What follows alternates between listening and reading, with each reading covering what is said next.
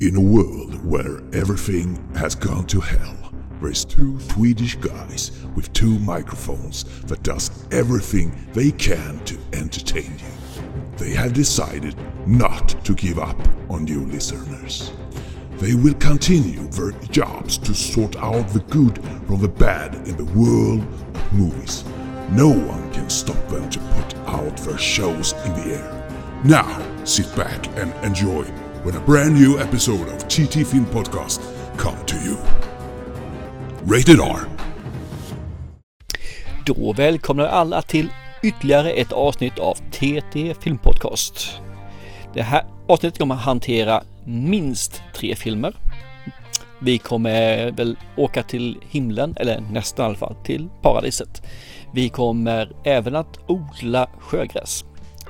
Vi kommer att prata om en liten kissekatt, eller flera. Det blir någon kissekatt i alla fall, så det. Den är svart också. Och sen ska vi givetvis gå in i den gyllene eran av våra underbara amerikanska marinesoldater som är lagda åt både höger och vänster, upp och ner. Det är väl allt egentligen vi pratar om idag, eller vad säger du? Har jag missat någonting som du har undanhållit här i min underbara, fantastiska, eminenta kollega på andra sidan, Mattias Erik, äh, Thomas Hellberg.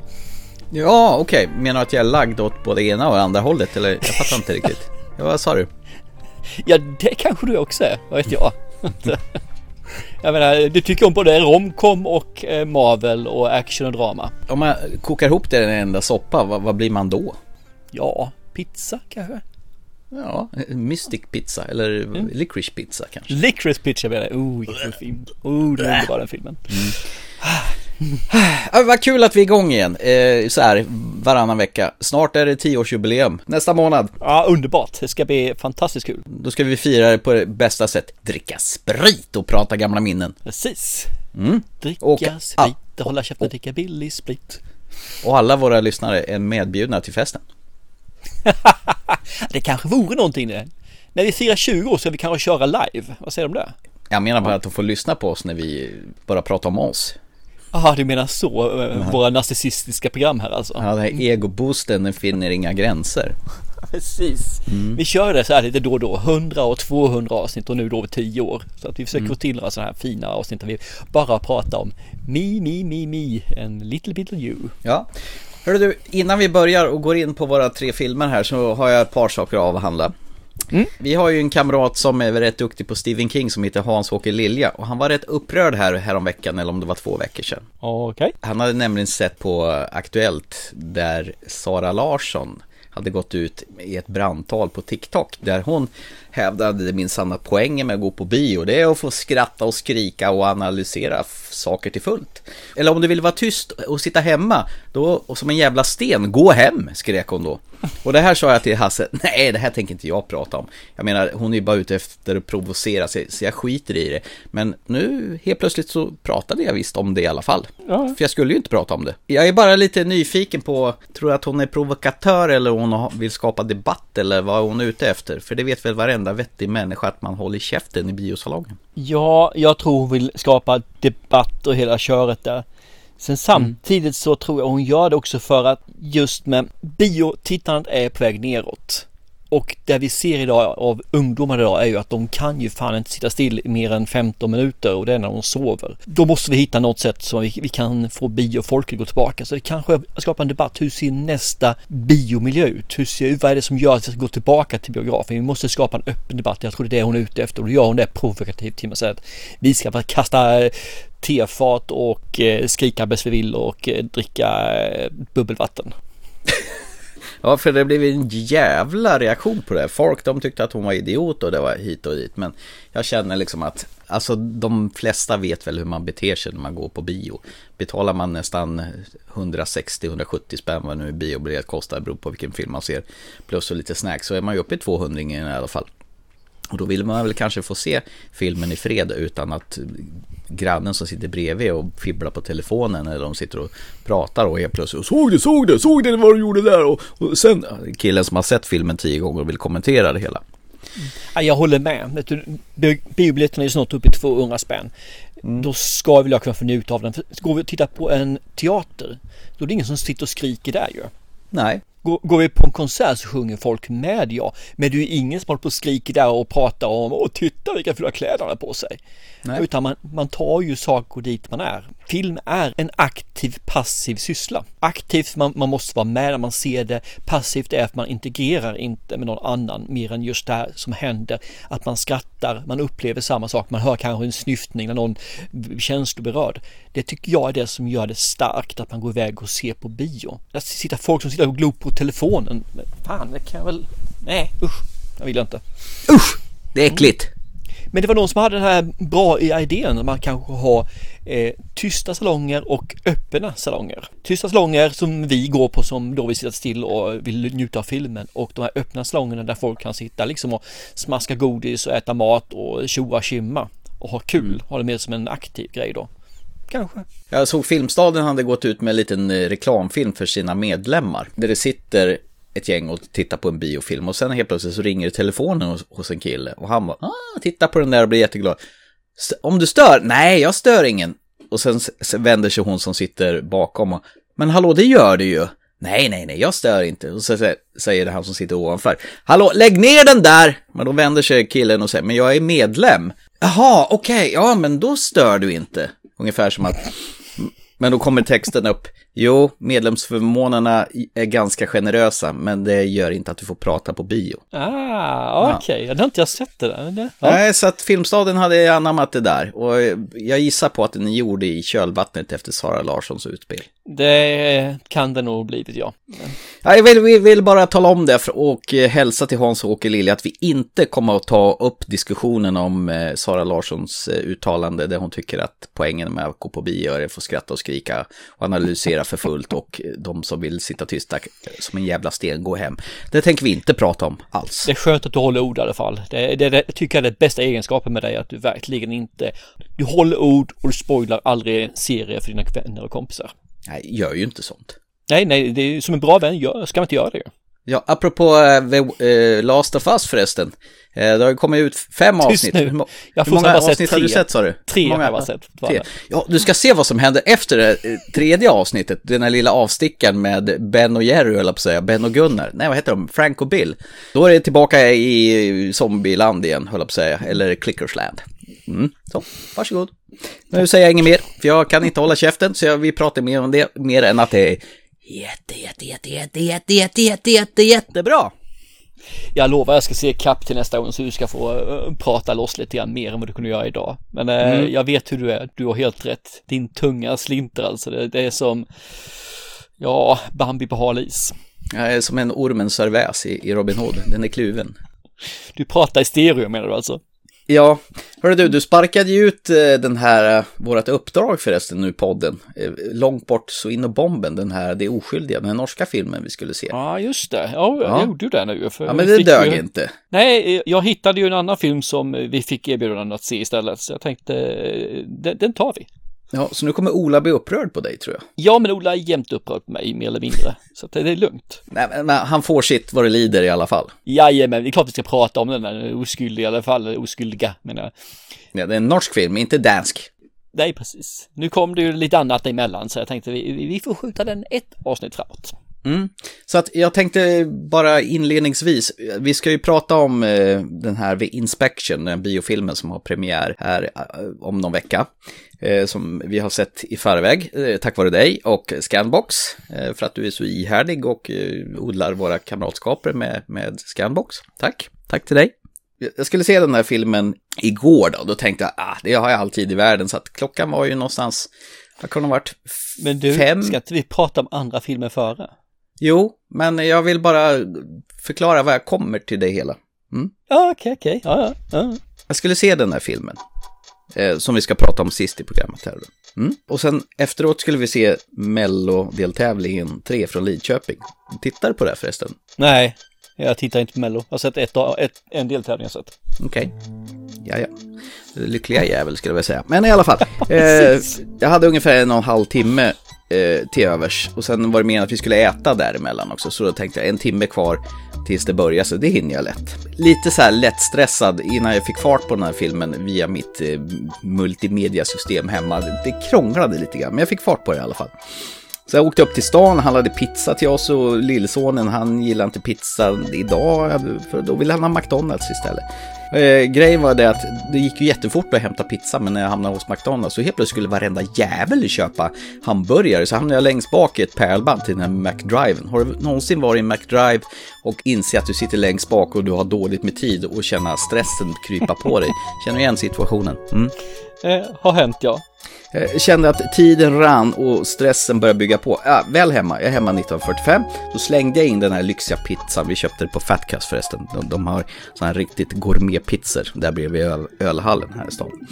Eh, och så drog jag i mig det där glaset med vin jag hällde upp och sen var klockan åtta. Och så vi hann se Mello från början och titta på det här. Konstatera att i år är all time low. Alltså det är ingenting som flyger. Bidragen är dåliga, mellanakten är dåliga. Eh, han, Jesper Röndahl är inte rolig. Eh, Farah, hon eh, gör så gott hon kan. Mm?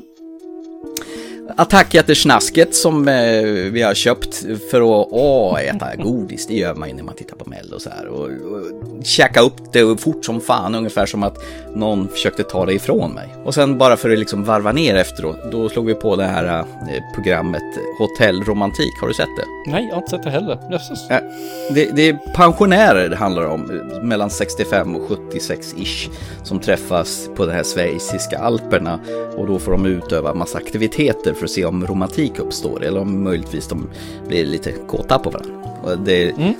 Äldre folk blir kåta på varandra. Mm. Eh, och vi tittade på avsnitt tre, vi kollar på SVT Play. Och så hamnar jag i ett snack om att vissa av paren börjar prata om att nu är de ju mellan 65 och 75 och många som anmäler sig till programmet att de är ensamma för deras livspartner har gått bort.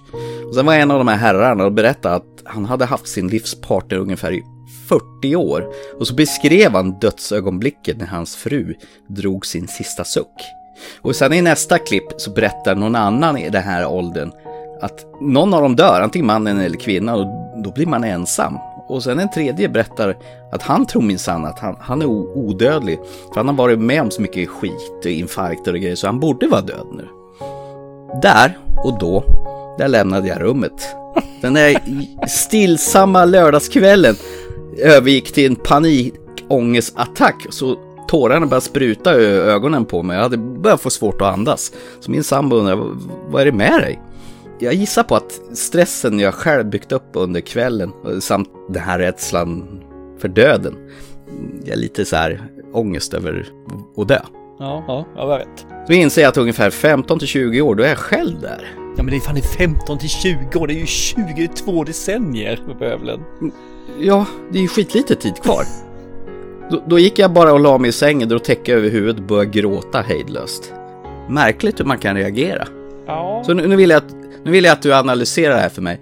Var det början på en eftermiddag som gasade på med massa stress och sen dricka massa vin och sen se massa pensionärer som pratar om döden? Det, det blev för mycket för Hellberg tror jag. Ja, okej. Okay. Ja.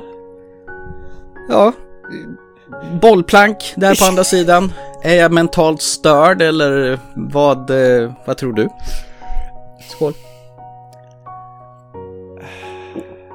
Ah, jag bara, nu, nu tog jag ner det här totalt. ja, faktiskt. Jag bara sitter här och funderar. Jag menar, du, du är 50 bast nu. Ja. Mm. Mm. Hur långt skulle du säga att det livet har känts? Ja, det har känts så här fort. Det gick fort hit. Det gick fort dit, men du har ändå upplevt en hel del. Du har skaffat två barn, du har köpt hus, ja, du har utbildat dig, du har rest en hel del. Du har säkerligen haft en eller två stycken eh, kärlekshistorier förutom den tjejen du har nu. Ja. ja. Tänk, och då kan du tänka de här första 15-20 åren, får säga 20 åren, där lekte du bara och gjorde ingen nytta alls. De sista 30 åren har saker har hänt. Och nu säger du om 20 år till, då är, du, är, är han där, är du där? Förstår du hur mycket du kommer ut? Ta nästan lika mycket till kommer du uppleva som du gjort de här under hela ditt vuxna liv. Fasen tar mig rätt fantastiskt lång tid. Ja, eh, tack, nu känns det bättre. Eh, nu kan vi gå vidare. och sen är du död. Sen är jag död, okej. Okay. Mm. Vi, vi livar upp det hela med att ta en liten romcom istället tycker jag. Det, det känns som att vi, vi, vi, behöver det, helt klart. Vart åker vi? Nu åker vi väl till Söderhavet. Bali. Bali. När jag var på Bali. Nej, jag har aldrig varit på Bali. Har du varit på Bali? Aldrig varit på Bali. Inte ens närheten tänkte jag säga. Men i det här fallet så är det ju paradiset på jorden. För i filmen Ticket to Paradise får vi åka dit. Med George Clooney och Julia Roberts. I'm sorry. I think your things are in my seat. Sorry. Oh, come on. You've got to be kidding me. Excuse me, ma'am. I need to sit somewhere else. We used to be married. Worst 19 years of my life. We were only married for five. I'm counting the recovery. In four days' time. Our daughter's going to marry a guy she just met in Bali, millions of miles from home. I just really want to kiss you. It's like I looked up for the first time and realized everything I ever wanted was right in front of me. She's throwing her career away. Just like her mother did. So I'm the only one who can stop her. She doesn't listen to him. Oh, champagne. Oh, two, please. Just leave the bottle. Thank you. I won't let her throw her life away. We need to trick her into dumping him. As much as this will pain us both, we have to call a truce to make this work. We have to be in lockstep. Did you make a pact to not murder each other until you murder me first? We are here for you, my love. Yes, we're in lockstep. Yes. Promise, no mean comments, Pretty sure you don't win anything for eating the whole pig. no arguing. No passive aggression. What about aggressive aggression? Try to keep the snoring down. I have a nasal strip. It's a mystery you're still alone. Mom, Dad, this is G'day. Almost supposed to yes, do today. You learned that to make me look bad. You don't need my help there. I'm praying for an asteroid.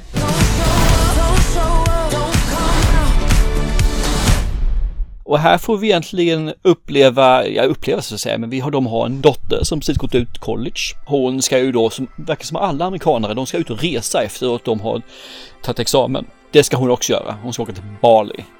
Det som finns här givetvis i bakgrunden är ju då George Clooney och eh, Julia Roberts som då är skilda med mamma och pappa till den här dottern. De är skilda och deras slut eller uppbrott var väl inte den bästa.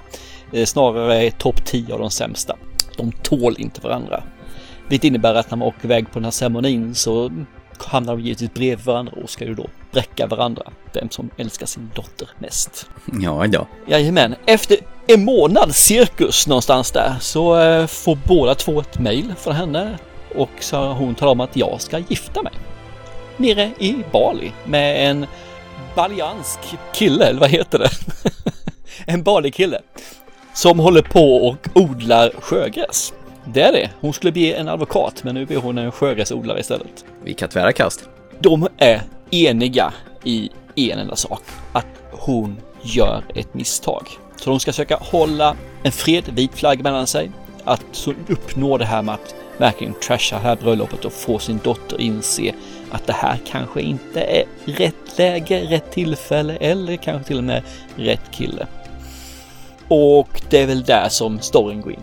Det här är ju en, eh, en äkta romcom utan dess like. Alltså bara att se George Clooney och Julia Roberts på posten eh, i någon sån här söderlandskap paradis. Det, det räckte ju för mig att sätta på play. Hur var det för dig? Jag såg ju eh, trailer på den här och insåg väl att det här var nog ungefär vad man skulle få. Men Mm. det, det som du säger att de är ju, eh, de är svårslagna de här alltså.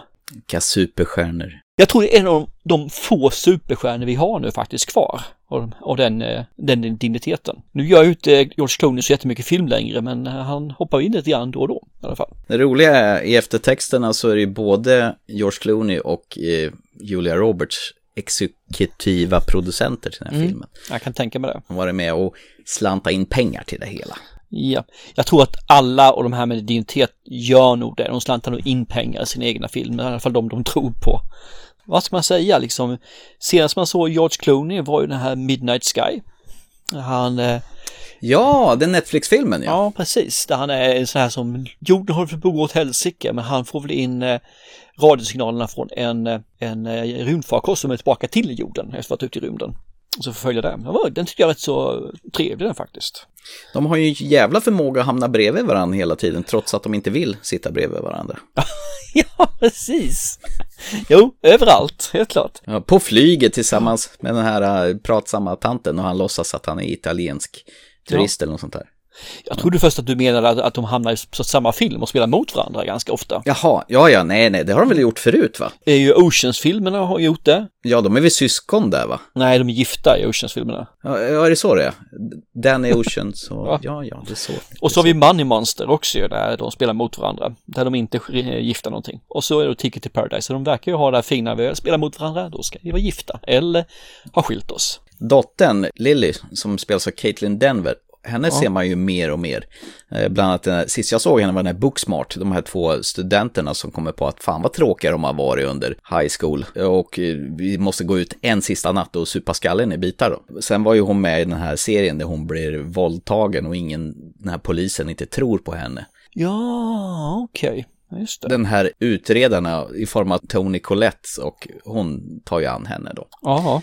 Hon hade ju funkat som en jättebra Ellie i The Last of Us. Får komma in i den referensen igen. Hon, hade hon ser ju faktiskt ganska lik Ellie ut i spelet också. Fast kanske, hon kanske inte har den här energin som Ellie behöver, jag vet inte. Men utseendet har hon faktiskt med sig, men nu är hon för gammal skulle jag tro. Men då hade hon varit bra, om den hade gjorts då, Cat- Caitlyn Denver. Å andra sidan kan Ortega spela en eh, 15-årig, eh, vad heter personen i Wednesday, så ska väl hon kunna spela en lite yngre också. Ja, det har du faktiskt rätt i. Men det här är ju en film om sådana här kulturkrockar. De kommer ner till Bali och de får vara med med eh, han killens familj då. Gede heter han väl va? Maxi Butier. Eh, och deras ceremonier och det där och, och ta del av det hela. Och det är så här, kulturkrockar, de två gillar inte varandra och sen kan man ju lista in ut med förbundna ögon vart det kommer barka någonstans. Men det gör ingenting, det är ju resan dit som är härlig som vi alltid återkommer till. Ja, precis. Nej, det här är, är väl ingen film du går in och blir förvånad på, på det viset. Nej. Eh, Vill du ha en romcom som har alla, ja, alla punkterna i kryssade så är det här det. Hon har ju dessutom eh, sin kompis med. Hon, Ren. Ren. Ren, ja, som spelas Billy Lord, som man har sett jättemassor i, i den här fantastiska tv-serien, antologiserien eh, American Horror Story. Där figurerar hon rätt mycket. Men hon är, hon är comic relief i den här filmen. Samt Julia Roberts eh, kärleksintresse som inte är så jävla smart, som, som är någon pilot, Rob. Han dyrkar ju marken eh, Julia Roberts går på. Och det förstår jag, det skulle ju nog också jag göra. Vem skulle inte göra ja? Nej. Och vet du vad? Det skönaste med Julia Roberts, hon ser ju faktiskt ut som hon åldras med värdighet. Det är ju inga sådana här gigantiska skönhetsingrepp hon har gjort som vissa andra som man knappt känner igen dem längre. Ja, hon har gjort dem snyggt i sådana fall får man säga, för är, hon ser ut som att hon har åldrats med värdighet som sagt var. Hon är ju ändå, ja hon är strax över 60 nu någonstans där va? Ja, hon blir bara vackrare och vackrare. Och George Clooney också. Gud vilken vacker man han är. Ja, han är stilig, riktigt stilig, det får man säga. Det, båda två är ju, ser jävligt bra ut. Jag kommer aldrig få bort den där scenen med dildosen i Burn After Reading. Han har tillverkat för små pengar. You want to come downstairs? You like surprises? Well, I'm always open to new experiences. I gotta tell you, I saw an ad for this in a gentleman's magazine. Twelve hundred bucks. Twelve hundred bucks. I'm looking at this thing and I think, geez, you gotta be kidding me. I'm a hobbyist. I figure I go down to Home Depot and whip this up myself for a hundred bucks. What is it? What is it? You sit down there, make yourself comfortable, put your feet in the stirrups, and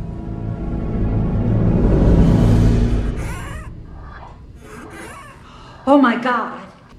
That's fantastic. something, isn't it? Hundred bucks all in, not counting my labor and the cost of the dildo. Those things aren't cheap. Uh-huh. 200 dollar. Den där borde vi se om någon gång och ta med till återtiteln. Absolut, håller jag med om. Och Brad Pitt kommer ur garderoben. Nej, men, för att gå tillbaka till filmen. Jag tycker de har jättebra kemi så jag tycker både George Clooney och Julia Roberts. För det är de som är stjärnorna, det är de som är huvudrollsinnehavarna i den här filmen. Och eh, man tror på det. Det är inte bara roligt utan de stoppar ju lite tragik i det hela också. Man, när man får reda på varför deras äktenskap gick åt helvete. Inte bara att man börjar hata varandra av olika anledningar utan det fanns ju faktiskt en orsak till det hela. Som för en romcom så är det här okej. Det, det är inte min kopp med te. Eh, jag tycker eh, sånt här är ganska tråkigt per se egentligen, för man vet exakt. Men George Clooney och Julia Roberts höjer upp den här, så för mig var den sebar. Min kära tjej som tittar på den tyckte det här var riktigt bra. Jag tror nog, tycker man om romcom så är det här en riktigt bra film som man kan glo på. Och framförallt då så kan man ju få riktigt nice miljöer till att börja med. Bali, som det inte Mm. är nu, de kör, de kör, tror de är inspelade i Au- Australien någonstans där. Oj då, i någon sån här semesterparadis. Ja, jag tror det är någonstans där. Och eh, så här, så att det här är en bra film så sett alltså. Det, du ser den, du skrattar lite grann och sen stänger du av den och sen går du vidare med disken och ställer toaletterna. Det gjorde inte jag efteråt, men det kanske jag skulle ha gjort då. Ja, precis. Det jag menar att vardagen går vidare efter det sen. Det är ingenting som fastnar på något vis. Inte hos mig i alla fall. Men det, jag tycker inte direkt gödslas med romcoms längre, eller gör det det? Eller bara att vi väljer att inte titta på dem. Den sista vi såg, det var väl den här med Jennifer Lopez, någon Marry Me, med den här äckliga Clive Owen, tror jag. Ja, jag, jag hoppas ju att det är så här att den fortfarande görs, men att det görs i en modernare tappning. Eh, lite grann som jag, jag trodde skulle bli det här väckelsemötet för romcom, eh, Silver Linings Guidebook. Den tyckte jag ju var fantastisk, för den var en romcom i ny förpackning. Och jag älskade den filmen. De var trasiga de personerna i den filmen. Det var de definitivt. Jo, det, det förstår jag. Om man har varit med i Hungerspelen i massa filmer, då blir man ju trasig. Mm. Nej, det, det är inte samma karaktär som i den. Okej, nej, nu missuppfattar jag det hela. Men den har väl gått ganska så bra för vad jag vet. Så den kostade 60 miljoner dollar att göra och har nu dragit in eh, 168. Så det borde väl vara godkänt tycker jag. Ska vi gissa att George Clooney och Julia Roberts som tog hälften av de, de kostnaderna? Ja, säkerligen. Nej, de har ju varit med och pröjsat själv så att det, nej, nu var jag elak tycker jag. Betala till sig själv vet du. Ja, men de har nog kostat en del ja. De står nog för säkerligen 80% av alla lönekostnader. Det skulle inte förvåna mig ett smack. Välbetalda och det har de väl rätt att göra. Det jag tyckte bara var lite småkul är att eh, hon har exakt samma typ av shorts i den här filmen som hon har i Pretty Woman när hon köper Va? shorts där. Ja, det är stora, vidriga, långa shorts. Så hennes ben ser ut som tandpetare. Det kanske är Julia Roberts själv som tycker att eh, det är ett skönt plagg bara. Det kan vara så faktiskt. Eh, tänkte du på det förresten att när, eh, när de körde eftertexten så kom ju sådana här små klotta klipp när de gjorde fel på eh, vissa scener och så här, det här vanliga bloopers typ. Men det hör väl till också i sådana här typer av filmer att man får se de här eh, bloopers-reelsen som kommer alltid. Komplett, en romcom komplett med bloopers, det måste det ju vara. Det jag tänkte på det var att hennes agerande när hon är off camera och det här med leendet är nästan identiskt med det hon gör i filmen. Det är lite skillnad är det visserligen, men man ser då hur nära hon är sin verkliga person, tror jag i alla fall. Så hon inkorporerar det tror jag i eh, sin roll på ett, för mig, jävligt snyggt sätt. Eller så kan man säga att hon kan spela någon annan person, men det, det tycker jag hon gör, för hon gör, det är skillnad på hennes karaktärer. Hon känns äkta, det är det jag var ute efter. Ja, men det är hon. Hon är genuin. Vi gillar Julia Roberts, det har vi nog alltid gjort. Ja, faktiskt. Det har nog inte funnits en film jag inte har tyckt om henne. Eller någon tid, ska vi säga så, när jag inte har tyckt om henne. Ja, Hon är duktig på att välja roller med omsorg. Ja. Måste fortfarande eh, göra ett återbesök till Erin Brockovich, för det tycker jag är en av hennes bästa filmer faktiskt. Ja, det var inte länge sedan jag såg den. Det är ju bara en eh, sex, sju månader sedan jag såg den. Jaha, okej. Ja, ja. Pelikanfallet då? Ja, det är länge sedan. Det är nog åtminstone ett och ett halvt, två år sedan den. För det var en sån John Grisham-novell som blev film. Han hade ju en riktig streak där med de här firma med Tom Cruise, Pelikanfallet, eh, den här Ku Klux Klan-filmerna, The Jury, och så, det var ju den andra, Miss Congeniality, Sandra Bullock. Hon har dessutom sabbat sig ganska hårt så man knappt känner igen henne längre, det är synd. Ja, hon har väl opererat sig lite mer markant. Ja. Mm. Hon har gått lite haywire. Nej, då är det finare när de åldras med värdighet och det får vara lite rynkor här och var. Jag tycker det är fantastiskt. Sen så eh, tror jag de har medvetet gjort att hon ska vara lite rynkigare här och hon är i andra filmer hon har varit med också här nu. Bara en tanke, ja. Nej, men eh, vi kan väl rekommendera till alla som gillar eh, romcoms. Det här gjorde inte ont att titta på. Tycker Nej jag. då, absolut. Tycker du om romcom så tror jag definitivt här. Tycker du inte om romcom, håll dig så långt borta det här som du bara kan för det här är romcom galore alltså. Vad bra. Nice!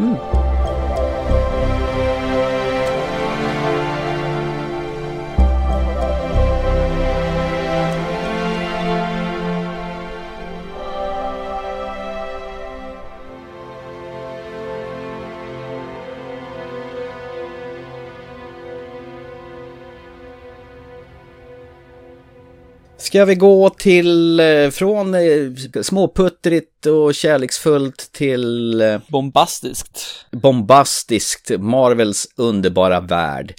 Jag insåg att jag hade ju inte sett Black Panther överhuvudtaget. Och så när vi fick Black Panther, Wakanda Forever, då var det ju bara tvunget att göra en double whammy, en double feature, en sån här helaftonskvällsfilms... Det tog mig faktiskt nästan en vecka att titta på de här två filmerna. Den första Black Panther som jag såg satt jag som en av det årets sämsta filmer. Var det så illa? Mm, det gjorde jag. 2018 kom den. Och jag var tvungen att se om den igen bara för att se, inte nu men då, bara för att se om jag tyckte verkligen så illa om den. Och jag tycker den är riktigt dålig för det är, den är blek. Så därför tänkte jag att den här Wakanda Forever måste ju verkligen eh, knocka upp där och se till att göra en comeback och göra så att jag tycker om den här typen av film igen. Mhm. Men berätta vad det är för något vi ser. Börja lite smått med, vad är historiken, det vill säga film 1 då? Ja, historiken, ja det är, vi får ju följa Chadwick Boseman som eh, blir vald till den här eh, karaktären. Det verkar vara flera som har varit Black Panther genom åren och man får den här kraften. Ja, man eh, genomgår en ritual va, om jag kommer ihåg rätt. Han har ju sin syrra Shuri eh, som är någon slags Q åt honom. Om man tänker som i James Bond så har ju hon ett högteknologiskt labb som fixar massa gadgets åt eh, Chadwick Bosemans Black Panther. Jag tänker inte röra mig speciellt mycket kvar i den, mer än att jag blev ju glad att se lite produktplacering och se Lexus bilar som var populära då. Undrar om det var NX300 som lanserades där som fick fara runt och bli småflis och skit. Så det kom farande karaktärer åkande på gatan en, endast en ratt och ett säte i näven. Så mycket flisar de sönder de här bilarna. Det var i och för sig lite tråkigt. Eh, Problemet var ju då när nästa Black Panther skulle göras, då hade ju tyvärr Chadwick Boseman dött. Jag tror han dog i cancer. Ja, någon tarmcancer, så jag tror det var. Han vek ju hädan, men ändå så gör de en film som heter Black Panther Wakanda Forever.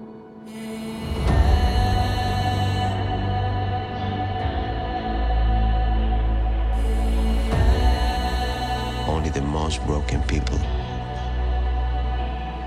can be great leaders.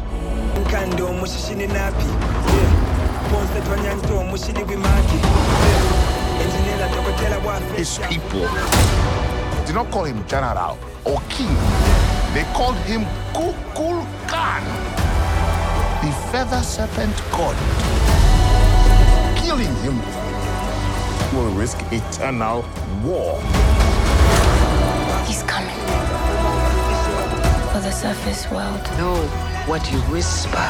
They have lost their protector. It's our time to strike. Show them who we are.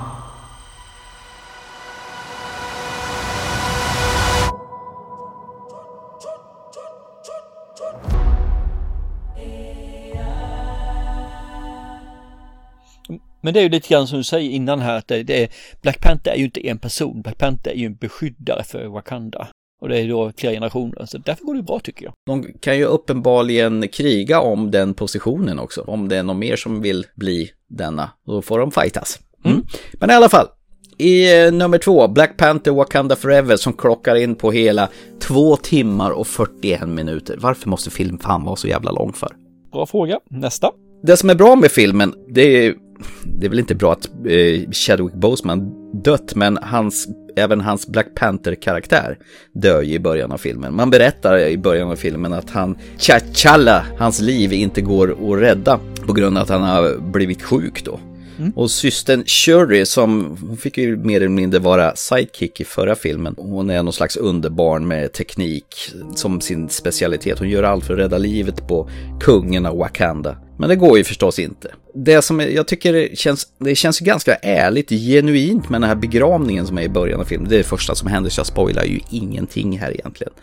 Och man hyllar ju både egentligen Chadwick Boseman som skådis och man gör en realistisk fortsättning med att karaktären har också dött. Jag gillade faktiskt Shuri i förra filmen och jag tycker det är rätt så naturligt att hon kliver fram och får spela huvudrollen i tvåan. Så fint, vackert, mycket sådana här sköna, härliga vyer över det här påhittade landet Wakanda. Och superb soundtrack av Ludvig Göransson som även fick en Oscars för scoret till förra Black Panther-filmen eh, 2018. Visst var den med också på Oscar på bästa film va? Ja, det var den faktiskt. Den var med och slogs om det också. Betyg. Det var Ludvig som fick Oscars ändå. Nu till det dåliga. Det är fortsatt tjat om det här vibrariumet, det här ädelmetallen som bara finns och bryta ut i Wakanda. Som alla vill åt. Men nu minsann finns det även på havets botten. Och på grund av en ung student som är lika tekniskt lagd som Shuri så, så vill ju främmande makter ta ihjäl henne. För helt plötsligt så dyker det upp massa vattenfolk ur havet.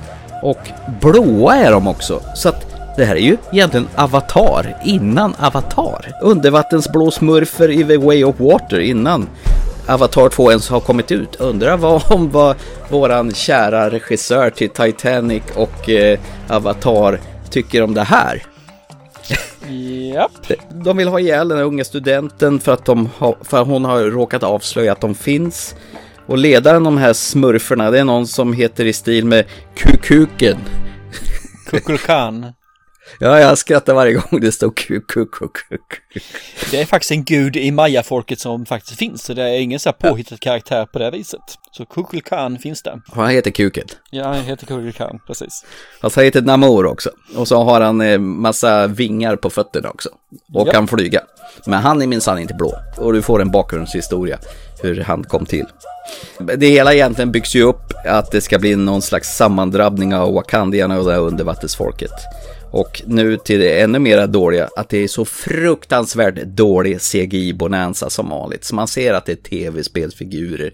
Man kan ju tycka att tekniken borde ha gått så jäkla långt sen de gjorde de här tafatta försöken med de här första Spiderman-filmerna som Sam Raimi gjorde när Peter Parker svingar sig över de här hustaken och man ser att det är en, dåligt animerad CGI. Men den här kukgubben, Namor, han, han ser ännu mer hemsk ut när han hoppar och skuttar och flyger och far. Jag tycker det är synd för att periodvis så är filmen riktigt bra när den känns realistisk och det utan det här CGI och, och ibland så spårar det ur fullständigt. Det känns ungefär som det är helt två olika filmer. Jag gillar när de är nere på jorden och inte den här CGI-drabbningarna. Eh, sen, sen är det ju kul att se han eh, Martin Freeman eh, från Sherlock är med. Han är med i den förra filmen också, som den här CSI höll jag på att säga. Eh, CIA-gubben som har kontakt med Wakanda. Han är ju faktiskt riktigt bra skådis och han gör faktiskt en riktigt bra roll här också.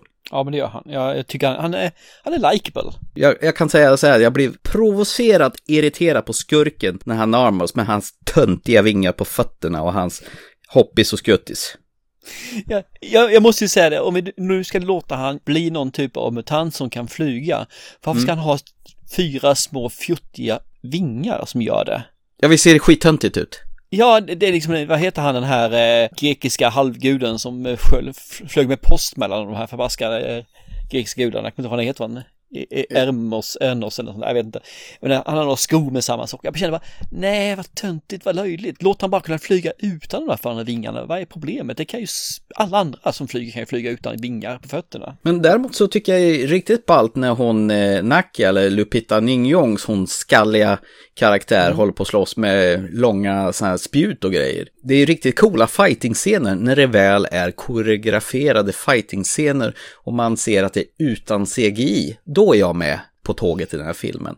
Men sen spårar det fullständigt ur och blir de här överdrivna hoppis och skuttis. Less is more. Och när fan ska Marvel lära sig att sluta ha den här 45 minuters sammandrabbningen med CGI-kladd i slutet på varje film?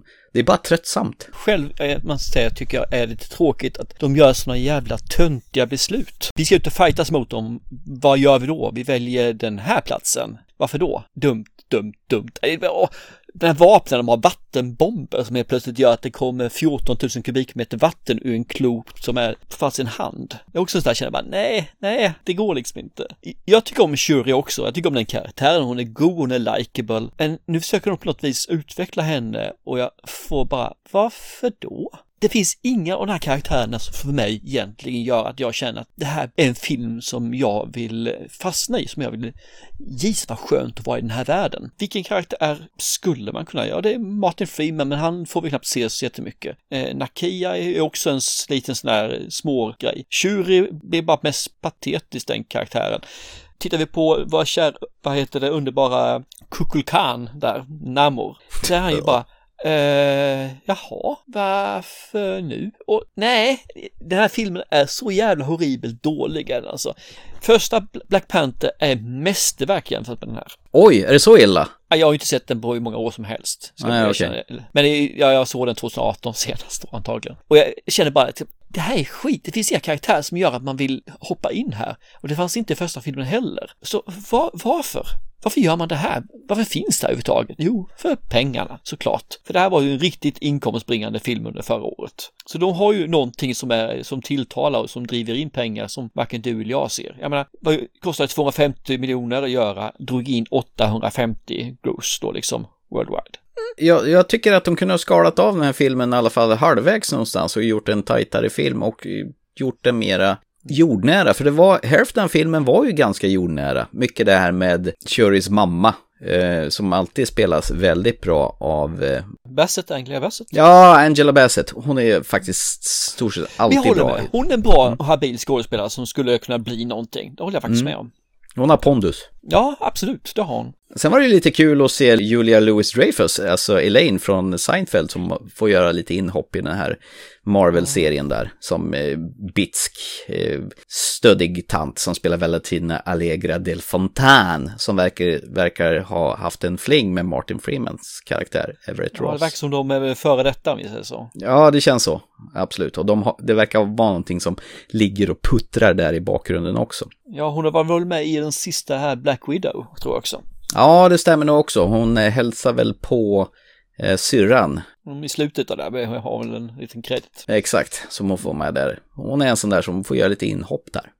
Jag tycker inte det var riktigt så jävla dåligt som du tyckte, i och med att jag gick in med noll förväntan. Däremot så blev jag oerhört förvånad över att de gjorde en eh, Avatar rip-off och knökade in i den här filmen. Och de var dessutom blåa, kom från vattnet. Så att James Cameron måste ju vara skitsura på, på Disney som gör någonting sådant. Äsch, det tror jag inte. Jag tror faktiskt inte det. Nej, men jag, du, du tar och gör, ja, vad ska man säga? Du tar ett rispapper, A4 stort, tunt, eh, rispapper jävligt tunna. Och så ska du skriva en roman på det här rispappret. För det är ungefär vad de gör här. De tar ett manus som är, får plats på det här rispappret och så gör de en film på 2.40.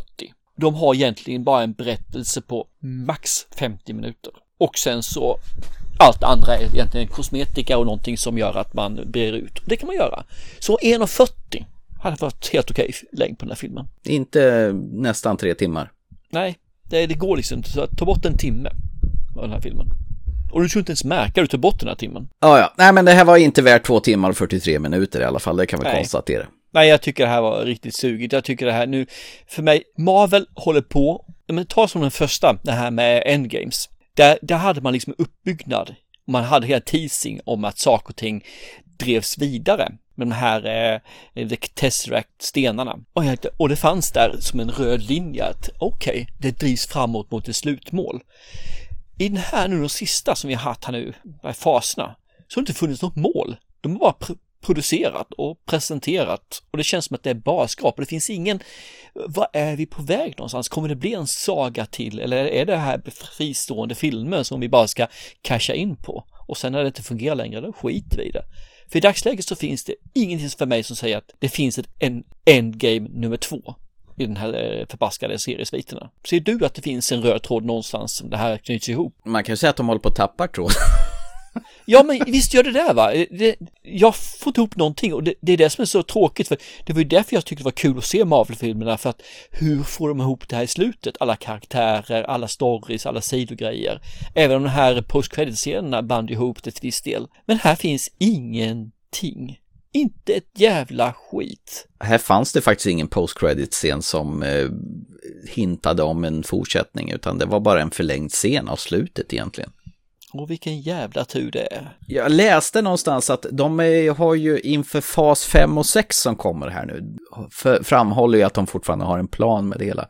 Men att det kommer bli färre tv-serier på Disney Plus som är gjorda direkt där inom Marvel. Så det kommer bli färre sådana serier för det känns att de har experimenterat lite grann.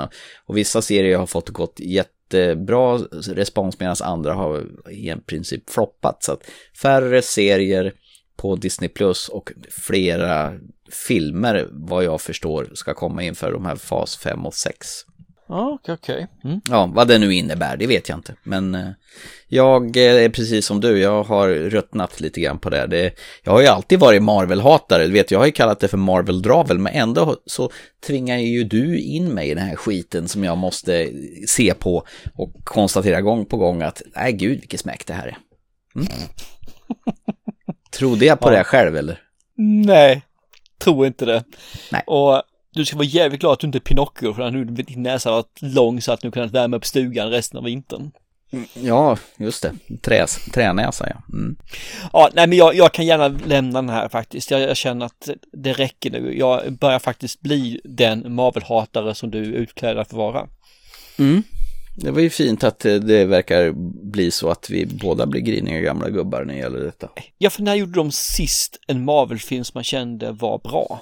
Jag tycker, ja men Spiderman tycker jag var faktiskt lite smågulliga. Du menar den här sista, No Way Home, när det var bonanza att man går tillbaka i tiden? Så. Nej, jag tänker mer på Multiverse. Och den här tecknade filmen.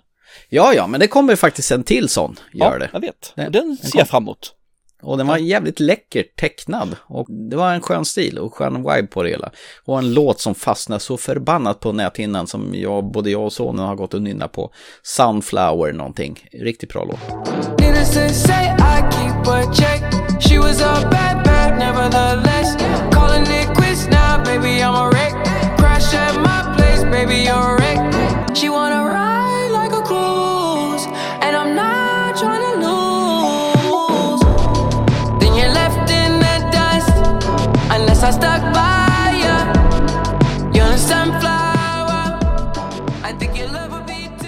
Ja, nej, men det, absolut. Den tycker jag var trevlig. Så. Ja. Jag som tycker faktiskt den sista Spiderman är helt OK också. Så är den. Ja, nej, men den var, den, den, den var jag glad efter jag har sett på när vi såg den på bio faktiskt. Det är bara synd att det kommer mer med eh, våra kära Hollander. Jag tyckte det skulle vara ett slutet för honom som Spiderman. Men eh, du gillar ju Tom Holland, det har ju du sagt. Gör jag, men jag tyckte att det här var hans, det skulle varit hans sorti. Det är de här tre filmerna som skulle ha varit liksom ny skådespelare, nya möjligheter. Det är ju lite intressant vad som pågår med DC. De håller ju också på och trasslar med multiverse och sådana saker. Jag såg ju någon snutt om att eh, Michael Keatons Batman och Ben Afflecks Batman skulle vara i samma film, likt, lite likt som eh, Spiderman No Way Home. Det är lite pinsamt tycker jag.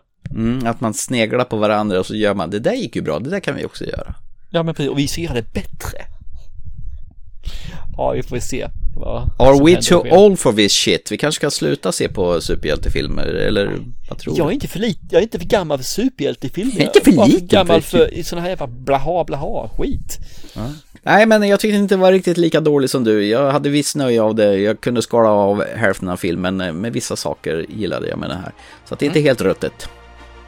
Vad trevligt för dig. Mm. Varsågod.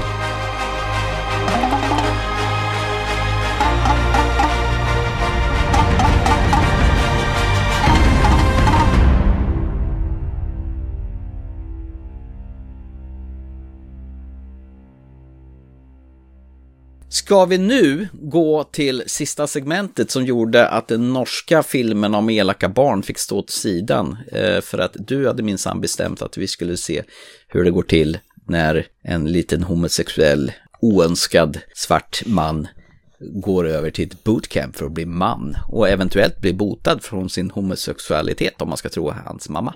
Nej men den här filmen är någonting som dök upp i flödet ju. Då tänkte jag, vad fasen alltså, det här passar så ruggigt bra ihop med vårat släpp. Och det är till små kul att ta de här som är lite mindre filmerna ibland också. Istället Mm. för bara se de här stora Wakanda-filmerna ish. Jag vill se de här små guldkornen som kan dyka upp. Och för att se dem så behöver man ju också titta på en jäkla massa film som sagt var. Och det här dök upp då. Så det är The Inspection. Are you in trouble? Ma, I need my birth certificate. I need you to help me. I'm gonna be a Marine. Marines. No, you lace gayer than two left shoes, and everybody can see it. This all I have left of the dream I held for you. If you're sure it's not trouble, you will tuck it in. Aye, aye, sir. Aye, aye, sir. Ever been convicted of a felony? Are you now or have you ever been a homosexual? No, sir. I will break you. I promise.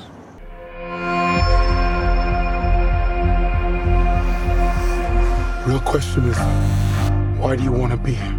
I want to be a Marine. That's not good enough. To be a good Marine means to know thyself and seek self improvement. That means you, damn it! Aye, sir! They kicked you out, didn't they? My mom, she won't even talk to me. Most of my friends are dead or in jail. If I die in this uniform, I'm a hero. Somebody.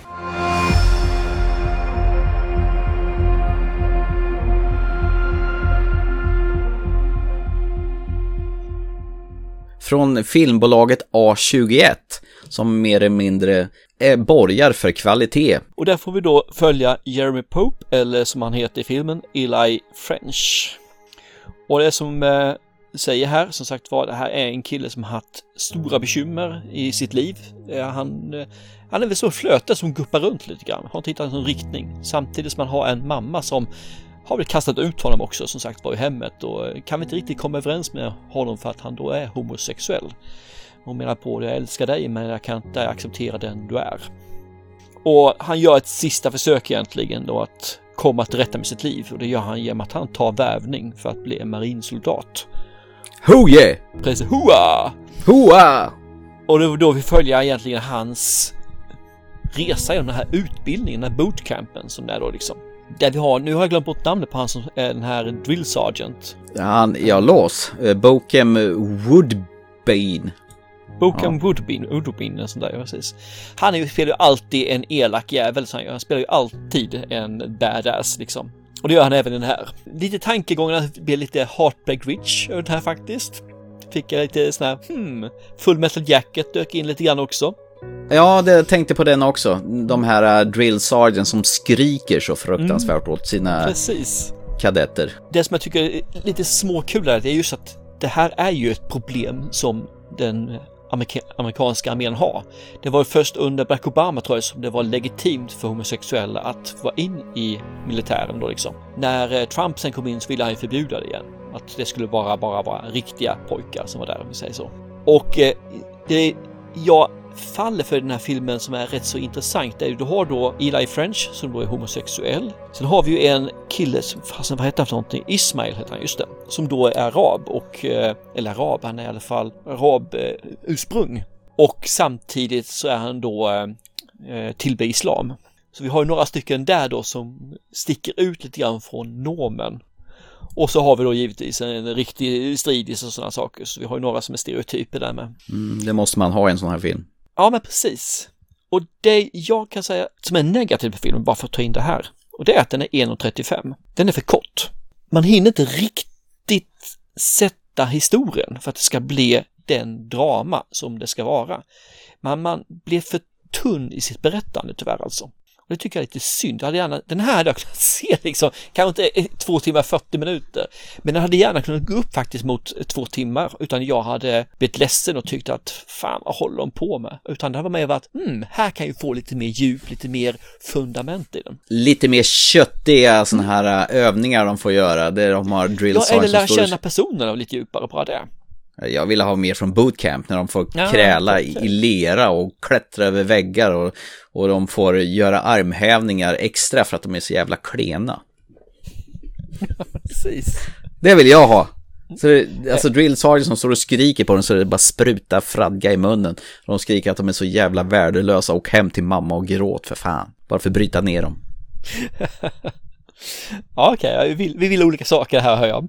Mm. okay. mm. Jag vill ha en drama, du vill ha en action istället. Nej, de ska bara vara, bli behandlade som de svinen de inte är.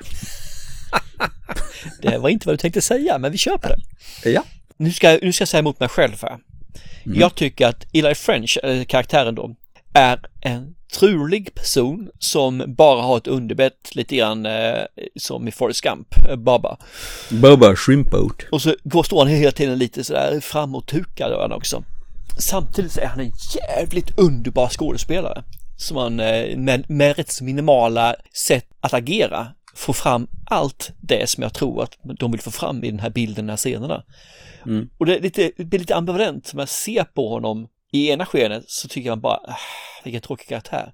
Och i andra så ser man, fan han gör det här, han sätter det här, han gör det riktigt bra alltså. Så jag tror vi kommer se Jeremy Pope i mycket mer filmer eh, framöver alltså. Han har ju inte varit med i så jättemånga saker än så länge. Så att eh, det ska bli kul att se om han eh, kommer in och får kanske lite andra karaktärer och se om han har det djupet som behövs för att spela mer än bara det här. Ja. Vad jobbade hans mamma med för någonting? Hon har uniform på sig. Jag vet inte, hon är, hon är inte polis. Vaktbolag eller? tror jag hon var, något liknande. Ja, just det. Det kan hon nog vara. Riktig svinkvinna i alla fall. Ja, och som tror på Gud. Hon har stora kors eh, på väggarna hemma i sin lägenhet. Och jag tycker så när han kommer in och kryper ihop sig så här, han gör sig så liten som möjligt i sin mm. hoodie-tröja. För han, han vet att hans mamma avskyr hans hela uppenbarelsen. Så hon lägger ju tidningspapper på soffan han sätter sig. För hans, hans bögighet kan ju kladda ner hennes lägenhet. Aj, aj, aj, fy fasen jag tyckte illa om henne. Så att, äh... Riktig jävla äckelhäxa. Och det här är ju faktiskt regissören Elegance Bratton som både har skrivit och regisserat den här filmen. Det är ju själv upplevt det. Så det är ju han mm. egentligen i den här filmen. Och han gjorde ju den här filmen till sin mamma. För det står ju i slutet där. Eh, for Ines French. Eller hon hette väl inte så i, säkert i, i verkliga livet, men han har gjort den här till sin mamma. Tyvärr dog hon innan han fick grönt ljus för den här filmen, så att... Uh... Det var ju lite tråkigt faktiskt, mm. så det blev en postum-grej. Jag, jag, jag, förstår det, att man vill... Eh, det här är bra filmmaterial, jag vill visa hur jag har haft det det finns att berätta i den här filmen, måste jag säga faktiskt så sätt. Jag skulle vilja ta den lite längre, men jag, tyvärr tror jag inte han fick tillåtelse att dra över de här en och en halv timmarna utan att... Nej, jag håller med. Det finns mer att berätta, för det känns lite så här forcerat. Lite speedat, ja, forcerat bra ord. Ja, för speedat. Att det, det, själva den här utbildningen som han går igenom, den hastas igenom lite för fort. Mm, ja, jag skulle nog ha lite mer tillbakablickar, vem är han? Och få liksom lite mer kött på benen innan han gick in i militära. Men det, det, jag tycker fortfarande att det här är en jävligt skön film. Så att, mm. att den är kort och den är speedad och du säger att den är tunn innebär inte att jag tycker den här är dålig. För jag tycker att den är riktigt bra i alla fall. Jag hade inte tråkigt när jag såg den. Jag blev gripen av de olika karaktärerna. För även om man inte lär känna dem på djupet så får man ändå så vet man vem de är och vad de står för. Så han mm. lyckas ju med det. Bra film. I, I like it. Jag med. det är bara det att jag skulle vilja ha lite mera... Mer, precis, mer. Ja, lite mer utvecklande av det hela. För det känns ja. som det blir nedslag här och här och här. Och det går lite för fort själva den här utvecklingen som sker. Jag hade ja. velat att de kunde ha dragit ut på det lite grann ja, ta det lite lugnt och kanske sitta still i vissa av scenerna och göra dem kanske 30-40 sekunder längre, några av dem. För det hade varit rätt nice också. Jävligt taskigt att få kastat i det första som händer när man kommer till bootcampen, när, när de här drillsaren frågar Har du någonsin knarkat? Är du kriminell? Har du någonsin känt dig som en homosexuell? Det är liksom frågor. Och får de säga No sir! Så han får ljuga sig in på det här stället. Mm det är trångsynt så in i helsike där, men det är, jag, jag, tycker folk ska se den här så sett, för det, det, är en bra berättad film. Och jag tror också att Elegance Bratton som är regissören kan göra riktigt bra film i framtiden också. Om han får lite bättre medel och får eh, kanske lite mer fria händer. Och så hoppas jag att han verkligen har, han inte är en one story man, utan han har fler historier att berätta i, i huvudet. Jo, för det här är väl hans första, det är väl hans regidebut vad jag förstår. Eh, nej, han har gjort några stycken till så han har gjort. Några kortfilmer, han har varit med på en, en någon tv-serie och så har han gjort eh, någon som heter Peer Kids, en film. Och sen så har han gjort ja, en, ja, två tv-serier och några korta. Så, ja, men kan man nästan säga att det är hans regidebut. Han har bara gjort en film innan dess. Ja, men vi kan väl säga att The Inspection den har biopremiär den 3 mars. Eh, och mm. eh, jag bara säger, kom ihåg vart ni hörde det först. Vart ni ska se en bra film. Ja, men jag tycker det, definitivt. 3 mars, eh, jag tycker den här är helt klart värd att se och ge en chans alltså. Trots hans eh, truliga underbett. Ja, lite truligt sådär, men det, på något vis passar det bra ihop i alla fall. Så nej, jag, jag, jag köper det. Mm. Ja. ja, men jag gillar det också jättemycket. Den var bra. Bra film, lite för kort. Det som är så jäkla skönt med den här filmen, den var ganska så här, jag vet inte om du tänkte på det, men det var inte mycket till filmmusik i den här filmen. I början Nej. där han går till sin mamma och det, det kändes autentiskt på något sätt. Hämtat väldigt, ur... Väldigt enkla scener. Han försöker liksom inte göra något, något fult, utan det är, det är en fast kamera. Väldigt ofta så är det fasta kamera han leker med. Så, och jag tycker det, och ändå får han det att det blir liksom ett djup istället för att blir platta som det kan bli när man kör med fasta kameror. Så att, eh, nej men jag tycker han gjorde riktigt bra ifrån sig faktiskt, tekniskt fint. Mm. Bra skit. Ja, nice. Mm. Ja. Ja, jag har inte så mycket mer att säga om det utan gå och se för tusan när Ja, det här kommer. fasen. När var det sa du? 3 mars har den här filmen biopremiär. Och är du över 11 år då får du gå och se den här. Perfekt. Så 3 mars så är det egentligen, ja det är nä- nästa vecka då blir det ju. Ja, typ. Så. Perfekt. Mm. Perfekt, ska vi göra det vi alltid gör eller har du något mer att förtälja? Ja, jag tänker att vi summerar filmkvällen som vi har haft det, höll jag på att säga. Eller repertoaren. Vi har pratat om Ticket to Paradise med Julia Roberts och... Eh, George Clooney. tack, jag tappade det där bara, helt apropå. Och det är alltid trivsamt att se de där två superstjärnorna på film. Så bara där så är man ju hemma. Och så har vi pratat om Black Panther, Wakanda Forever, där Lexus även får göra smygreklam i den här alldeles för långa 3 timmar och 41 minuter. Trots att Ludvig Göransson gör musik så det blöder om knogarna så lyfter inte den här filmen utan den sjunker till botten dit de här motståndarna eh, kommer upp i vattnet. Jävla konstigt det blir. Det blir mischmasch av alltihopa. Och eh, James Cameron skriker i bakgrunden och säger rör inte min avatar för i helvete. Och så har vi sett den fantastiska filmen The Inspection som eh, du eh, knökar in här från vänster. Så vi siktar väl på att nästa program ska vi eh, se vårt uppdrag som jag gav oss där, eller som Ola gav oss i uppdrag. Alltså, Det är oskyldiga, en norsk film från grannlandet i väst. Trevligt! Och nästa vecka ska vi, nästa gång ska vi också prata The Last of Us, för då har du tittat i kapp hoppas jag. Då ska jag försöka titta till kapp med alla sex avsnitten. Eller sju. Det blir mummare! Absolut. Suveränt! Men du, då tycker jag vi tackar för oss och stänger ner den här podden tills vidare. Ja, Endure and Survive, som det heter. Over the, improvise and over, overcome är det förresten. Improvise and overcome. Det är så de säger Harper Rich. Ja, ja, Endure and Survive säger de i The Last of Us. Okej. och som vi säger i den här podden är chip chip och se en film. Hej då!